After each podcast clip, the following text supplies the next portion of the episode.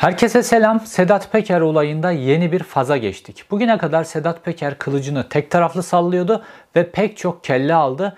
İlk defa Sedat Peker'in karşısındaki cephede kılıcını gerçek anlamda sallamaya başladı ve Sedat Peker'in en önemli adamlarından bir tanesini aldılar ve Sedat Peker'in Dubai'deki hayatına ilişkinde yeni bir dönemin kapısını araladılar. Önce Sedat Peker'in evinde bir kurşunlama hadisesi gerçekleşti. Sedat Peker'in adamlarından biri vuruldu. Sonra Sedat Peker'in aleyhine çektiği videolarla bilinen başka bir adam sokak ortasında vuruldu ve sonrasında Emre Olur Birleşik Arap Emirlikleri'nin de içine dahil olduğu bir kumpas süreciyle Türkiye'ye getirildi ve Emre Olur Türkiye'ye getirilir getirilmez Süleyman Soylu 2023'te siyaseti bırakacağını açıkladı. Bunların hepsi birbiriyle ilişkili hadiseler ve Sedat Peker'e yönelik bir operasyonun gerçek anlamda bir operasyonun planlandığı, hazırlandığı ve aşama aşama uygulamaya geçirildiğini görüyoruz. Bu planın bütün detayları ve dahasını bulacağınız yine bilgi dolu, yine dop dolu bir video ile karşınızdayım.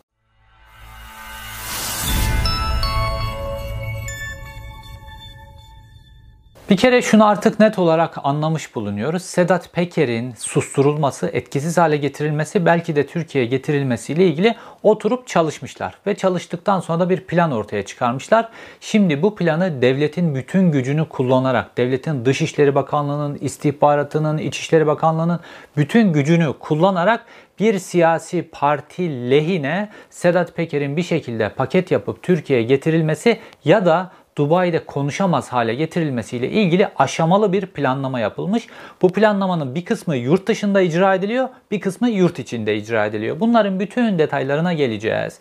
Şimdi Sedat Peker Dubai'ye gittikten sonra Balkanlar, Fas, ondan sonra Dubai'ye gittikten sonra Dubai'de ilk gerçek ciddi videolarını yayınlamaya başladı. Çünkü e, Balkanlarda yayınladığı videolar biraz taktiksel videolardı. Fakat Dubai'de ilk defa yoğun bilgi içeren ve bugünkü iktidarı rahatsız edecek bilgiler içeren videolar yayınlamaya başladı. Fakat ilk vurduğu kişi Süleyman Soylu'ydu.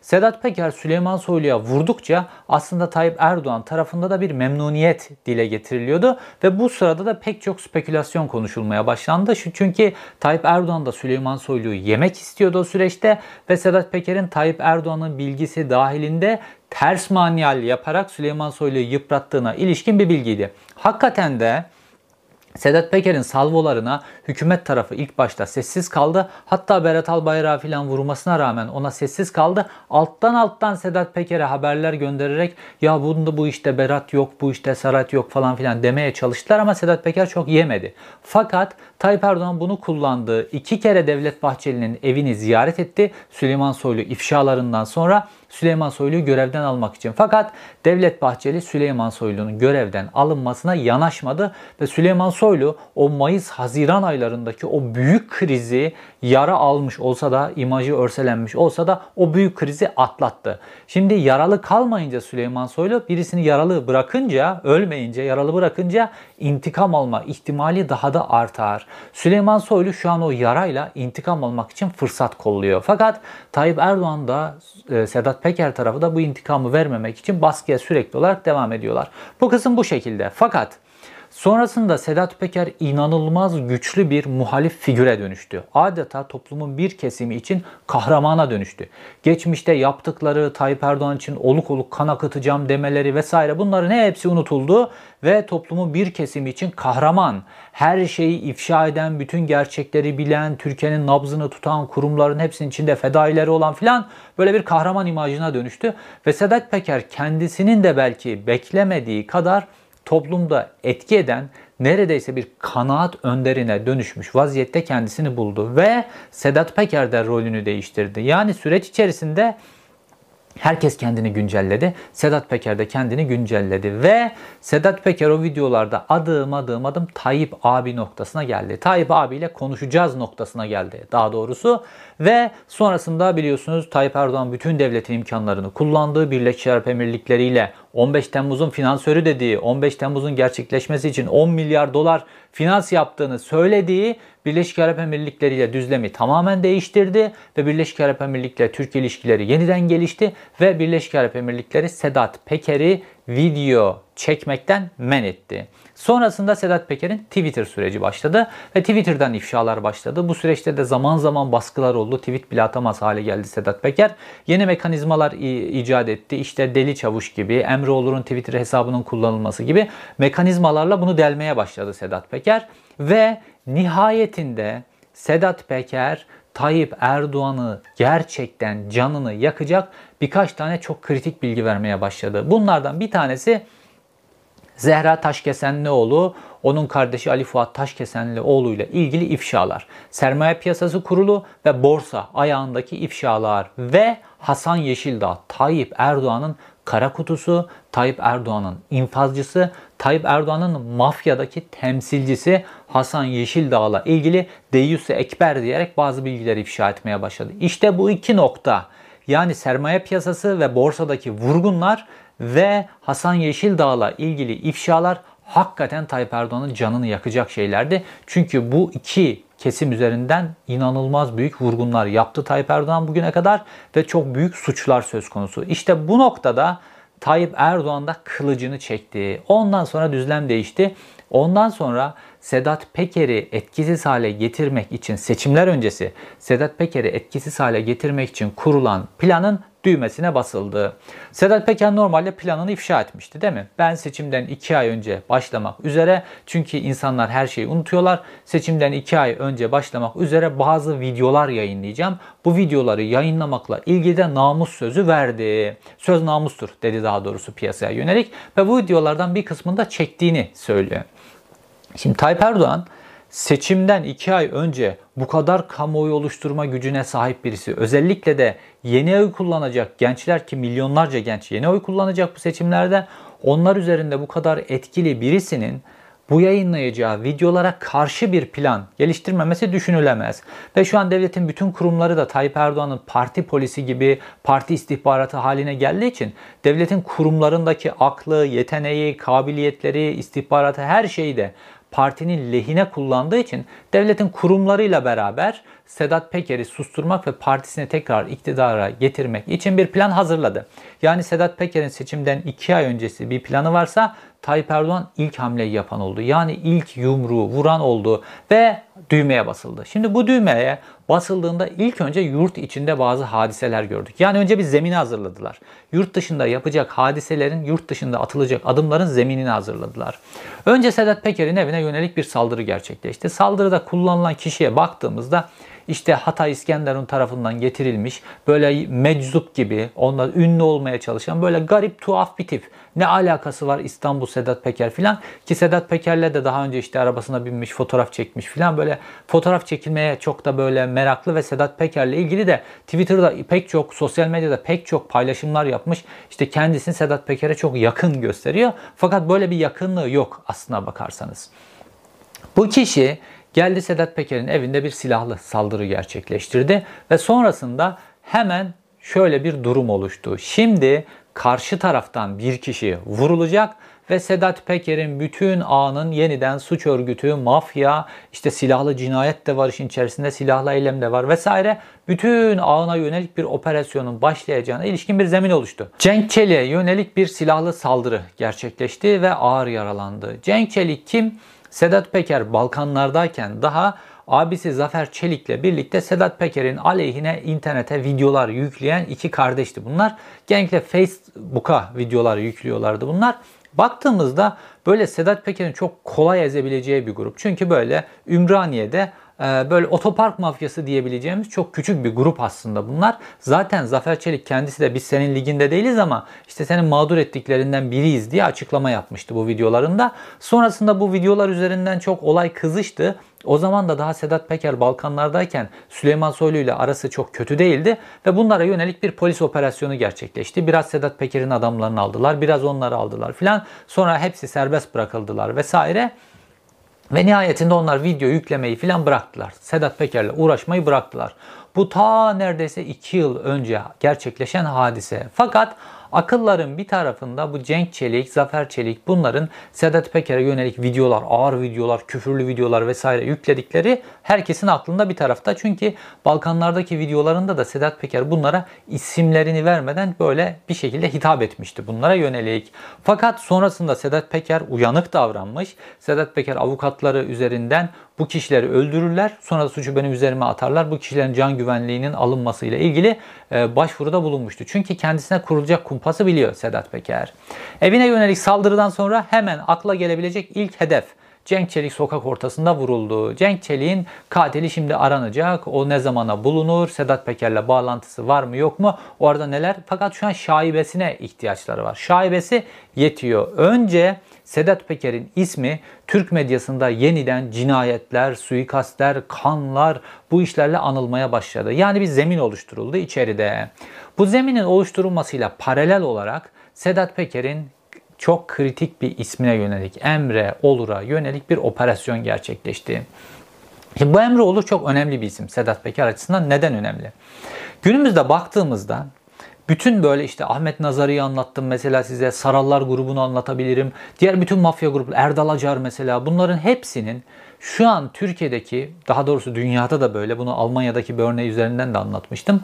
Yeraltı örgütlenmelerinin hepsi hackerlarla çalışıyor. Yeraltı örgütlenmelerinin hepsinin dijital temsilcileri var. Dijital alemle ilgili temsilcileri var. Çünkü kara para artık kripto meselesi üzerinden aklanıyor. Online kumar siteleri hadiseleri var. Rakiplerinin cep telefonlarına sızmalar, WhatsApp'larını kırmalar vesaire bu tip yeteneklerle ilgili hadiseler yapıyorlar. Aynı zamanda kredi kartı işleri vesaire dijital alemde dönüyor artık bütün suç. Dolayısıyla da bu klasik yeraltı dünyasının liderleri bu dünyayla kendileri arasında bağ kuracak birer dijital köprü kuruyorlar ve o dijital köprü kendi adamları olan dijital köprü bu hacker alemiyle vesaire bunlarla bağlantılar kuruyorlar. Şimdi Sedat Peker'e Emre Olur için Sedat Peker'in basın sözcüsü diyorlar. Aslında Emre Olur Sedat Peker'in dijitalcisi. Bu açıdan önemli bir kişi Sedat Peker açısından. Sonrasında Emre Olur Sedat Peker Mayıs ayında işte bu videoları yüklemeye başlayınca Emre Olur da Makedonya'ya gitmişti. Uzun süre Makedonya'da yaşadı ve nihayetinde de 2 ay önce Dubai'ye gidiyor ve oturum işlemlerini başlatıyor. İşte buradan sonra Emre Olur'a yönelik kumpas Türkiye artık daha doğrusu Erdoğan rejimi artık içeride zemini oluşturduğu için dışarıdaki zeminle ilgili de atağını başlatmış oluyor. Ben Sedat Peker'in Emre Olur'u da Dubai'ye çekmesinde böyle çok karmaşık işler olduğunu düşünmüyorum açıkçası. Çünkü Makedonya biliyorsunuz öyle çok böyle Türkiye'nin etkili olabileceği ülkeler Balkanlar coğrafyası. Sedat Peker'in kendisi de bu sebeple ayrılmıştı. Ayrıca seçim öncesi çok önemli bir hazırlık yaptığı için Sedat Peker bunun işte sosyal medyada tanıtımı vesaire, bunun dijital altyapısının yapılması, videonun yayılımı işleri vesaire bunlarla ilgili de Emre Olur'un yanında olması lazım. Birlikte çalışmaları lazım. Çünkü çok büyük bir savaş başlatacak Sedat Peker.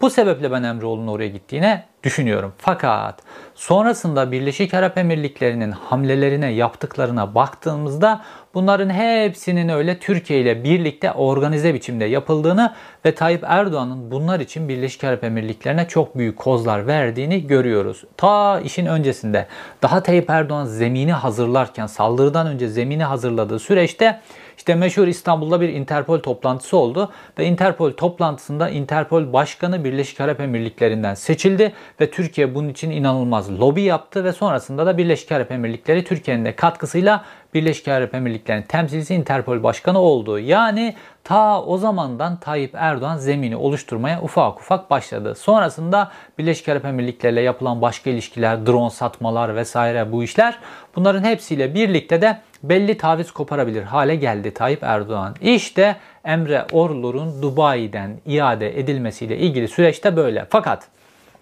şimdi Dubai'de çok fazla oligark var. Dubai'de dünyanın çeşitli yerlerinden kara para sahibi çok fazla adam var. Yeraltı dünyasından isimler var. Ülkesinden kaçmış işte yolsuzluklara bulaşmış bürokratlar var. Yani paralı ve kudret sahibi pek çok adam var Dubai'de ve bunların da genel ortak özelliği kendi ülkeleriyle başının dertte olması. Şimdi Dubai bu tip böyle bir finans sistemi üzerine kurulmuş bir ülke. Şimdi Sedat Peker'i verseler bu Sedat Peker gibi olan Dubai'de yaşayan insanlar için inanılmaz bir alarm durumu oluşturur. Ayrıca da uluslararası anlamda Sedat Peker artık sadece ifade ettiği anlamı taşımıyor. Sedat Peker aynı zamanda politik bir figüre de dönüşmüş durumda. Bu sebeple de Dubai'nin doğrudan Sedat Peker'i vermesi çok mümkün değil. Ne yaptılar? Dubai'de bütün Tayyip Erdoğan'ın bu kıyaklarına karşılık Emre Olur'u verdi. Fakat bunu nasıl formüle ettiler?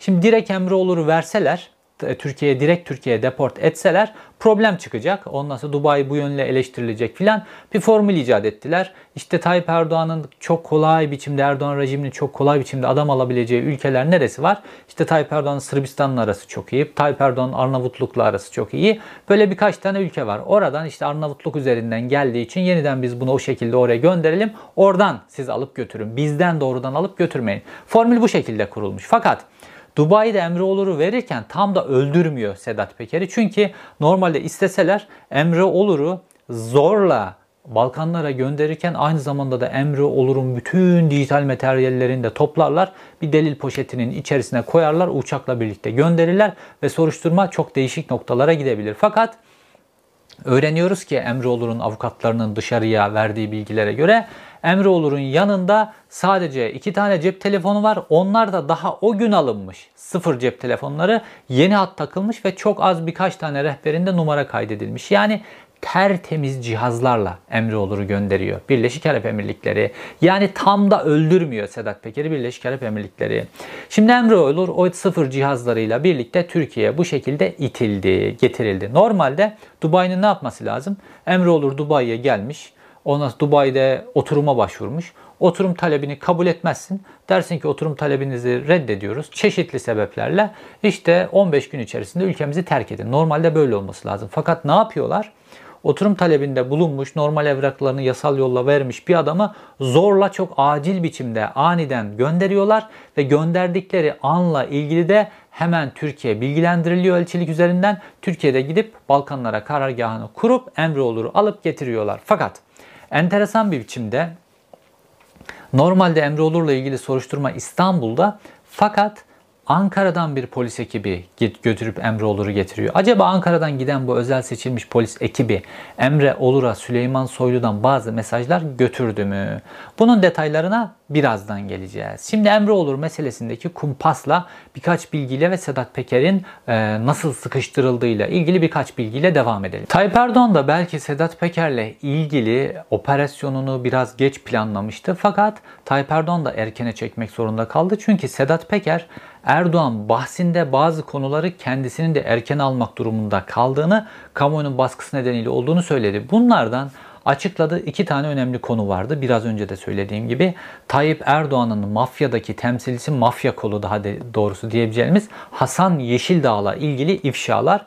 İkincisi de borsa manipülasyonları ile ilgili konuya girmesi. Hatta Sedat Peker bu ifşaları yaptıktan sonra Albayraklar grubu işte bu Yeni Şafak'ın sahibi vesaire Albayraklar grubunun vurgunları ile ilgili bazı şeyleri ifşa edeceğini anons etti. Sonra baktı ki borsa ile ilgili mesele o kadar büyük ki sonra vazgeçti. Dedi ki Albayraklar Festivali'ni biraz erteliyorum. Bu borsa ile ilgili konular konuşulmaya devam etsin. Çünkü Ali Fuat Taşkesenlioğlu eski sermaye piyasası kurulu başkanı, AKP milletvekili onun kardeşi Zahre Taşkesenlioğlu ve Ünsal Ban'la ilgili meselelerin ifşasıyla birlikte borsanın kapağı açıldı. Borsa vurgunlarının kapağı açıldı. Şimdi Türkiye'de şu an Tayyip Erdoğan halkı bir döviz oyunlarıyla iki borsa oyunlarıyla soyuyor resmen. Tayyip Erdoğan ve onun adamları kendileri devlet mekanizmasını, hükümet mekanizmasını ellerinde bulundurdukları için kendileri ekonomide, borsayı etkileyecek, dövizi etkileyecek her adımı zaten alacak, atacak olan kendileri Dolayısıyla önceden pozisyon alıyorlar. Borsada, dövizde vesaire pozisyon alıyorlar ve normal bütün halkı soyuyorlar. Dövize yatırım yapan, borsada oynayan bütün halkı soyuyorlar.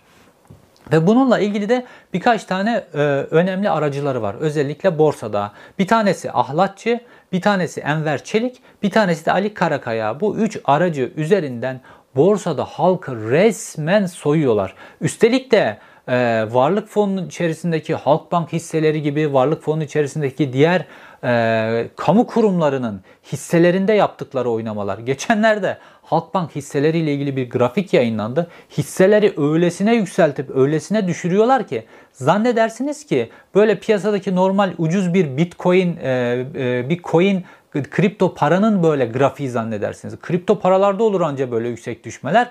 Ama Halk Bankası gibi bir kamu bankasının hisselerinde böyle düşmeler yapıyorlar. Fakat sonrasında Sedat Peker'in ifşalarının da etkisiyle borsadaki bu ahlatçı vesaire bunların çevirdikleri oyunlar fark edildi ve Halkbank'ın hisselerini çok düşürdüler.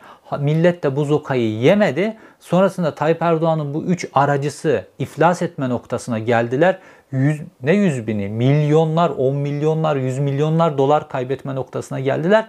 Onları kurtarabilmek için ne yaptılar biliyor musunuz? Piyasa fiyatının çok üstünde Halkbank'a kendi hisselerini geri toplattırdılar ve kendi aracılarını kurtardılar. Yani halkı soyuyorlar, yetmiyor bir de devleti soyuyorlar. Devleti soyarak da kendi aracılarının cebini dolduruyorlar. Aracılar da ne yapıyor? Erdoğan rejiminin hisselerini, Erdoğan rejiminin payını daha doğrusu komisyonunu ödüyorlar. Tepe tepe büyük komisyonu zaten onlar alıyorlar. Şimdi Peker bunları ifşa edince, bunları ifşa etmeye başlayınca, bunun kapağını açınca ve artık bunlar borsada böyle bazı dümenler çok çevirememeye, halkın fark etmesi e, süreci başlayınca hemen Peker'e yönelik düğmeye basmayı hızlandırdılar. Peker'i konuşturamaz hale getirdiler. Emre olur. Türkiye'ye getirildikten sonra herkes Sedat Peker'in işte Deli Çavuş hesabı üzerinden, Uzun Çavuş hesabı üzerinden ya da kendi hesabı üzerinden bir tepki vereceğini bekliyordu. Fakat Sedat Peker bırakın bir tepki vermeyi, bununla ilgili tepki verenlerin tweetlerini RT yapmayı bile bıraktı. Neden? Erk Acerer'den öğreniyoruz ki Sedat Peker tarafıyla görüşmüş. Öğreniyoruz ki Birleşik Arap Emirlikleri yönetimi Sedat Peker'i bir ofise çağırıyor. Resmi devlet ofisine çağırıyorlar ve Sedat Peker'i açıkça uyarıyorlar. Beğeni dahi yapamazsın diyorlar. Şimdi Sedat Peker'in yerine kendinizi koyun. En önemli adamlarınızdan bir tanesi Türkiye'ye böyle bir kumpasla yaka paça götürülmüş, teslim edilmiş. Bu şovla böyle ifşa edilmiş her tarafta. Diğer tarafta yabancı topraklardasınız ve bu yabancı toprakların otoritesi diyor ki Twitter'da beğeni daha yapamazsın diye üzerine baskı kuruyor. Şimdi inanılmaz bir baskı. Fakat bu ülkelerde yaşarsanız bu tip böyle e, baskı rejimlerinin olduğu, demokrasinin olmadığı ülkelerde yaşarsanız ifade özgürlüğünüz de pazarlık konusudur.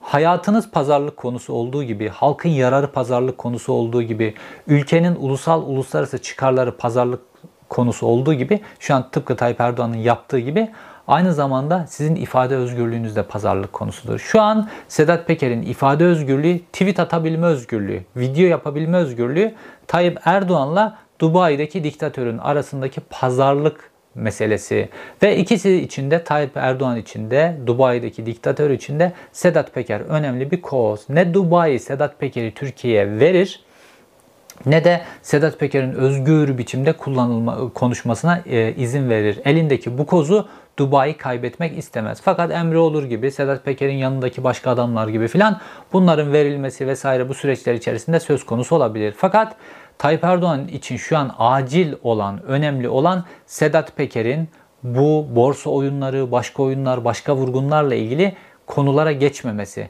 Sedat Peker Süleyman Soylu ekseninde kalsaydı Tayyip Erdoğan için okeydi. Fakat Sedat Peker Tayyip Erdoğan ve onun vurgunları eksenine döndü. Olayın daha nerelere gidebileceğini de Tayyip Erdoğan da kestiremiyor.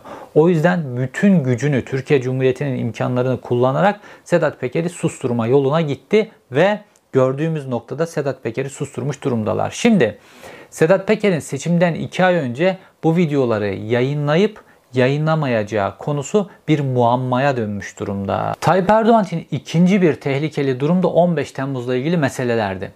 Biliyorsunuz Sedat Peker 15 Temmuz'un şöyle kapağını birazcık aralamıştı. 15 Temmuz'da illegal olarak AK Parti teşkilatları üzerinden dağıtılan silahlarla ilgili şahit de göstererek, konum da göstererek bazı hadiselerin üzerine açmıştı. Ve Suriye'ye gönderilen silahlar, oradan getirilen silahlar, bunların 15 Temmuz'da kullanımı vesaire konusuna çok hafiften girmişti. Fakat enteresan bir gelişme oldu geçtiğimiz günlerde. Nihal Olçok Vefat eden işte 15 Temmuz'da e, suikaste kurban giden ben ona infaz edilen daha doğrusu demek istiyorum.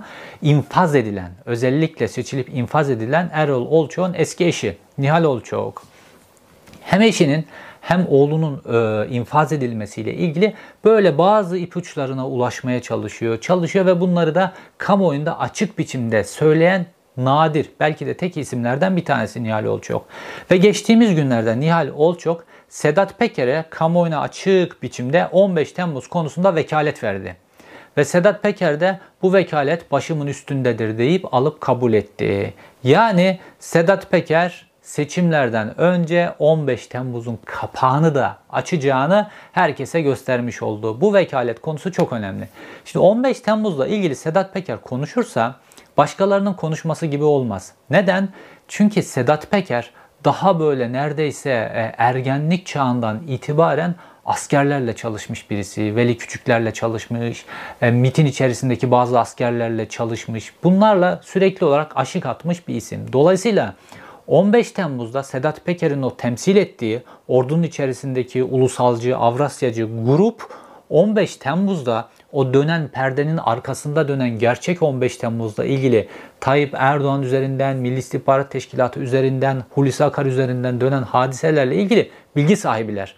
Dolayısıyla bu bilgiler Sedat Peker'e muhakkak belli ölçüde aktarılmıştır ya da Nihal Olçoğ'un verdiği bu vekalet sonrası aktarılacaktır. İşte Tayyip Erdoğan için alarm noktalarından bir tanesi de buydu ve bu sebeple çok hızlı biçimde Sedat Peker'le ilgili operasyonun düğmesine basıldı. Sokakta insanlar vurulmaya, kanlar akmaya, yurt dışından insan kaçırıp getirmeye kadar olayı ilerlettiler. Tayyip Erdoğan en azından seçime kadar Sedat Peker'in susmasına, susturulmasına fit ve Sedat Peker eğer bir biçimde bunu yaramazsa, Dubai'den çıkamazsa konuşması çok zor gözüküyor. Eğer hali hazırda bazı videolar çekip bu videoları Dubai'nin dışına çıkartmadı ise fakat çıkartmışsa bile Dubai bu videoların yayınlamamasıyla ilgili Sedat Peker'in üzerine baskı kurabilir. Fakat Sedat Peker sonunda ölüm bile olsa namus sözü verdi ve bu videoları yayınlayacağını söyledi. Dolayısıyla bu videoların yayınlanmasını bekliyoruz biz. Çünkü Sedat Peker bu rejimin inşa edilmesindeki ortaklardan bir tanesidir ve içeriden bilgilere sahiptir Sedat Peker. Normal sıradan bir insanın bilgileri değil bu ki kendisi de ne diyor? Cami imamı mı bilecek bu konuları? Elbette ben bileceğim diyor. Çünkü ben bu işleri beraber çevirdim diyor. Dolayısıyla 15 Temmuz'dan tutun da diğer konulara kadar pek çok kulağımızın duyduğunda inanamayacağı şeyleri ifşa edebilir. Şimdi konu bir diğer tarafı var. Emre olur Türkiye getirildiğinde herkes şöyle yorumlarda bulundu. Süleyman Soylu rahatladı. Süleyman Soylu'nun operasyonu. Süleyman Soylu da kamuoyuna böyle bu operasyonu kendi operasyonuymuş gibi sunma gayreti içerisine girdi. Fakat değil. Süleyman Soylu Emreoğlu'nun getirilmesiyle panikledi aslında ve orada bir küçük müdahale yaptı. Normalde Emre Olur'la ilgili soruşturma İstanbul'da ve Emre Olur işte getirilecekse savcılığın emriyle bir İstanbul'dan bir polis ekibi gider. Onu Arnavutluk'tan alır gelir. Fakat Ankara'dan özel bir polis ekibi gönderildi. Ankara Emniyeti Servet Yılmaz biliyorsunuz Süleyman Soylu'nun sağ kolu. Bütün pis işleri Servet Yılmaz'la Ankara Emniyet Müdürü ile birlikte çevirir Süleyman Soylu. Bu özel ekibi de emin olun Süleyman Soylu ile birlikte oluşturmuşlardır ve bu özel ekip Emre Olur'a belli mesajlar götürmüştür. Bu mesajlar neler olabilir ve Emre Olur'un getirilmesiyle Süleyman Soylu neden panikledi? Şimdi Emre Olur e, Sedat Peker'in tezgahından geçirmiş e, bir isim. Ve Sedat Peker'in videolarını hatırlayın orada arkaya koyduğu kitaplardan bir tanesi vardı Omerta diye. Yani mafya gruplarından, mensuplarından herhangi biri, yeraltı dünyasında herhangi biri polis tarafından gözaltına alındığında, tutuklandığında asla konuşmaz. Yapmayacağı tek şey kendi organizasyonunun içerisindeki hatta rakip organizasyonlarla ilgili bile. Yani rakip organizasyonlardan adam öldürebilirler, karşılıklı çatışmalar olabilir filan ama bunlarla ilgili hiçbir biçimde polise bilgi vermemek. Bu bir numaralı kuraldır yeraltı dünyasında. Şimdi Emre Olur da daha 26 yaşında genç bir çocuk ama bu kuralı bilebilecek kadar Sedat Peker'in tezgahından geçmiş Sedat Peker'e yakın olan bir isim. Ve Emre Olur şunu bilmeli. Yani bir şekilde devlet beni alır götürür ve devlet beni alır götürdü işkence yapabilirler, dövebilirler, her şey başına gelebilir. Zaten savcılık gözaltı süresini mümkün olduğunca uzun kullandı. Şimdi gözaltında kaldığınız zaman ben de gözaltında kalmış birisi olarak söyleyeyim. İstanbul Emniyeti'nin o mahzeninde buz gibi güneş ışığı görmeyen bir yerde kalıyorsunuz. muşamba gibi bir şeyin üzerinde sizi yatırıyorlar. Soğuk, çok az yemek veriyorlar. Yarı aç, yarı tok yarı susuz, yarı sulu bir şekilde bekliyorsunuz orada. Enerjiniz o kadar düşüyor ki enerjiniz düşüyor, düşüyor, düşüyor. Dişlerinizi fırçalayamıyorsunuz, iç çamaşırınızı değiştiremiyorsunuz filan. Sizi enerjiniz düşük vaziyette artık bir bitkin halde sizi savcının karşısına çıkarıyorlar ya da polisin e, sorgusunun karşısına çıkarıyorlar. Yani gardınızı düşürüyorlar. Savcı da bu gözaltı süresini mümkün olduğunca kullandı ve Emre Olur'un gardı mümkün olduğunca düşük biçimde karşısına getirmeye çalıştı. Şimdi Emre Olur bunların hepsini öngörebilir. Fakat Emre Olur sorgusunda Sedat Peker'le konuşmuşlardır muhakkak bu kötü günleri. Sorgusunda Süleyman Soylu da Süleyman Soylu diyebilir yani. Polislerin sorduğu bütün sorularda ipi döndürüp dolaştırıp Süleyman Soylu'ya getirebilir. Bu iki türlü mesaj olur. Bir, Emre Olur Tayyip Erdoğan rejimiyle başını belaya sokmaz. Çünkü Emre Olur operasyonunu yürüten Süleyman Soylu değildi. Sedat Peker'e yönelik bütün operasyonu yürüten Tayyip Erdoğan. Çünkü Tayyip Erdoğan canı yanıyor. Süleyman Soylu iyice dayağı yedi zaten yani. Sedat Peker tasmayla gezdireceğime kadar işi götürdü. Süleyman Soylu'ya artık atılacak dayak arsız çocuğa atılan dayak gibi bir şey yani. Artık dayak arsızı oldu Süleyman Soylu. Sedat Peker tarafından gelecek hiçbir dayaktan etkilenmeyecek bir noktaya geldi. Fakat Tayyip Erdoğan öyle değil. Sedat Peker'in Tayyip Erdoğan'a attığı dayak daha yeni başlamıştı. Dolayısıyla operasyonu Tayyip Erdoğan yönetti. Şimdi emri olur bütün Süleyman Soylu ile ilgili meseleleri ifadesine geçirebilir. Savcı zaten Tayyip Erdoğan'ın kontrolünde. Soruşturmayı Süleyman Soylu'ya doğru biçimde ilerletebilir. Neden? Çünkü Sedat Peker'in ifşaları sonrası Ankara'da Süleyman Soylu'ya yönelik bir e, dosya açıldı. Fakat o dosya donduruldu. Şimdi Süleyman Soylu e, milletvekili değil zaten. Bakanlığı bittiği andan itibaren 2023 seçimlerinde ya da öncesinde bakanlıktan alınırsa bakanlıktan alındığı gün bu dosya Süleyman Soylu'nun başına her şeyi getirebilir. Yolsuzluk var, usulsüzlük var, suç var, bilgilerin sızdırılması var, mafya gruplarıyla iş var oğlu var. Ne yok ki suç dosyasının içerisinde. Fakat orada Ankara'da bekliyor. Şimdi bu savcı Emre Olur'dan alacağı Süleyman Soylu bilgilerini soruşturmayı Süleyman Soylu'ya doğru götürebilirler. Bilgilerini alır, bu dosyanın içerisine gönderir ve günü geldiğinde bu dosya alevlendirilebilir. İşte Süleyman Soylu'nun palik noktası burada ve bu yüzden Süleyman Soylu aniden bir açıklama yaptı. Daha doğrusu kendisinin böyle e, aynı Emre Olur gibi basın müşaviri olarak kullandırdığı gazetecinin üzerinden bir açıklama yaptı. Ve bilgi, bu bilgi, net bilgi Süleyman Soylu söylemiş gibi net bilgi olarak piyasaya ilan edildi ve Süleyman Soylu da bu bilgiyi yayınlamadı. Neymiş o? 2023 seçimlerinde Tayyip Erdoğan seçimi kazanırsa Süleyman Soylu iktidarı, Süleyman Soylu siyaseti bırakacağına söz vermiş. Şimdi bu ne demek biliyor musunuz? Tayyip Erdoğan'a diyor ki ya bana zaman tanı diyor. Zaman tanı sen seçimi e, kazan bana 2023 seçimlerine kadar zaman tanı ondan sonra siyaseti bırakacağım diye kamuoyuna açıklama yapıyor. Neresi üzerinden? Bu gazeteci üzerinden. Şimdi Tayyip Erdoğan da bunu görebilir. Tayyip Erdoğan da bunu görebilir ve soruşturmayı Emre Olur üzerinden Süleyman Soylu'ya doğru yöneltmeyebilir. Ya da Tayyip Erdoğan bunu görmez, bu şekilde yönetir. Fakat Süleyman Soylu'nun şu an yapabileceği çok şey yok. İpler hep Tayyip Erdoğan'ın elinde ve Süleyman Soylu da Sedat Peker'in dayakları sonrası çok fazla mevzi kaybetti. Evet devletin içerisinde hala örgütlenmeleri var, Mehmet Ağar'la yaptıkları işbirlikleri var, üstadlarıyla işleri var vesaire ama Süleyman Soylu'nun şu an manevra kabiliyeti çok yüksek. Süleyman Soylu'nun tek ihtiyacı olan şey zaman kazanmak.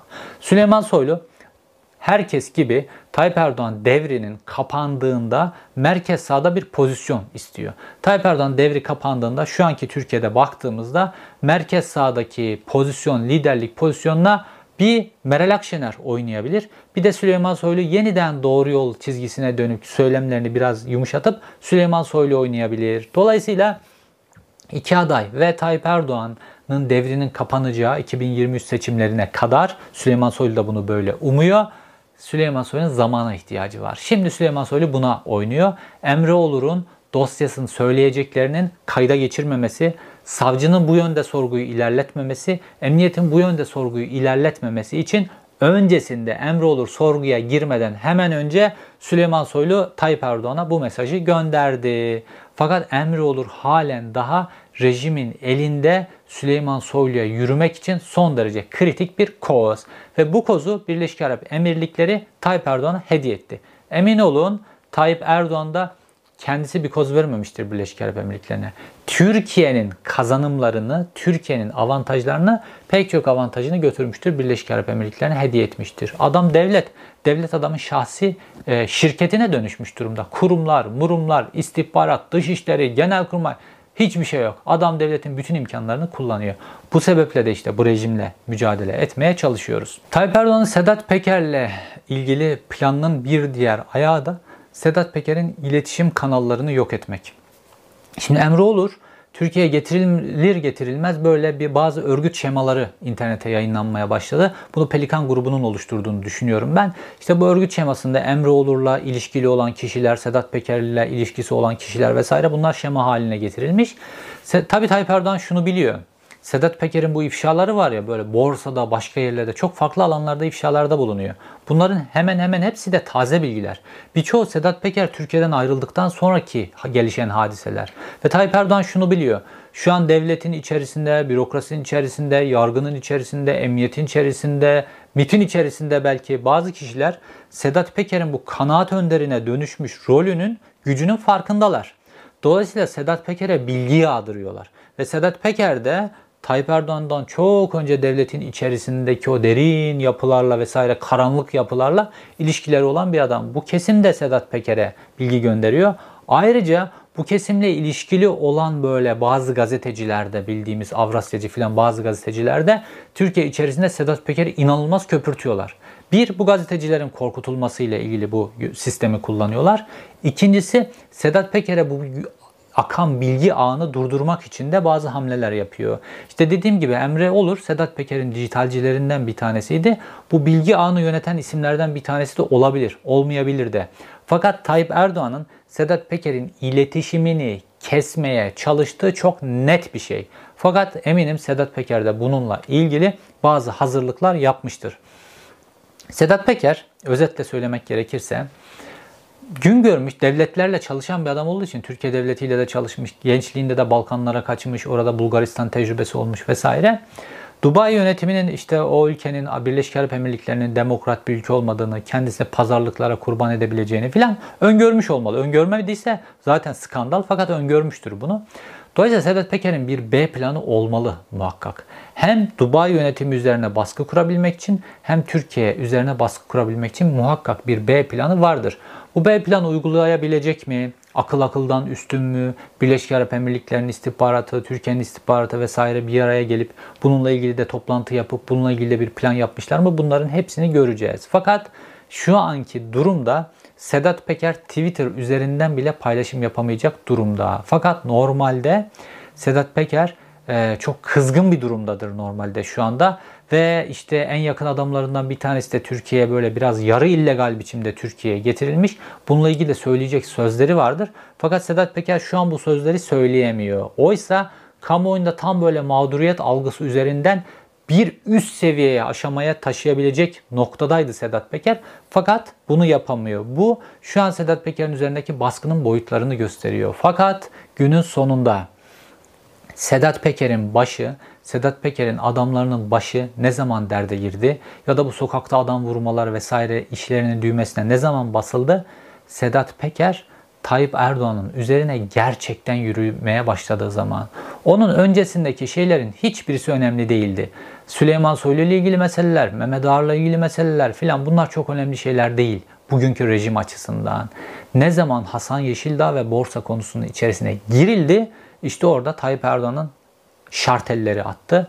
Üstüne de Nihal Olçoğ'un 15 Temmuz'da ilgili verdiği vekalet kaymak oldu. İşte Tayyip Erdoğan için alarm noktası burasıdır. Şimdi Sedat Peker'in gerçekten bu işe devam edip etmeyeceğini göreceğiz. Çünkü savaş gerçek anlamıyla şimdi başladı.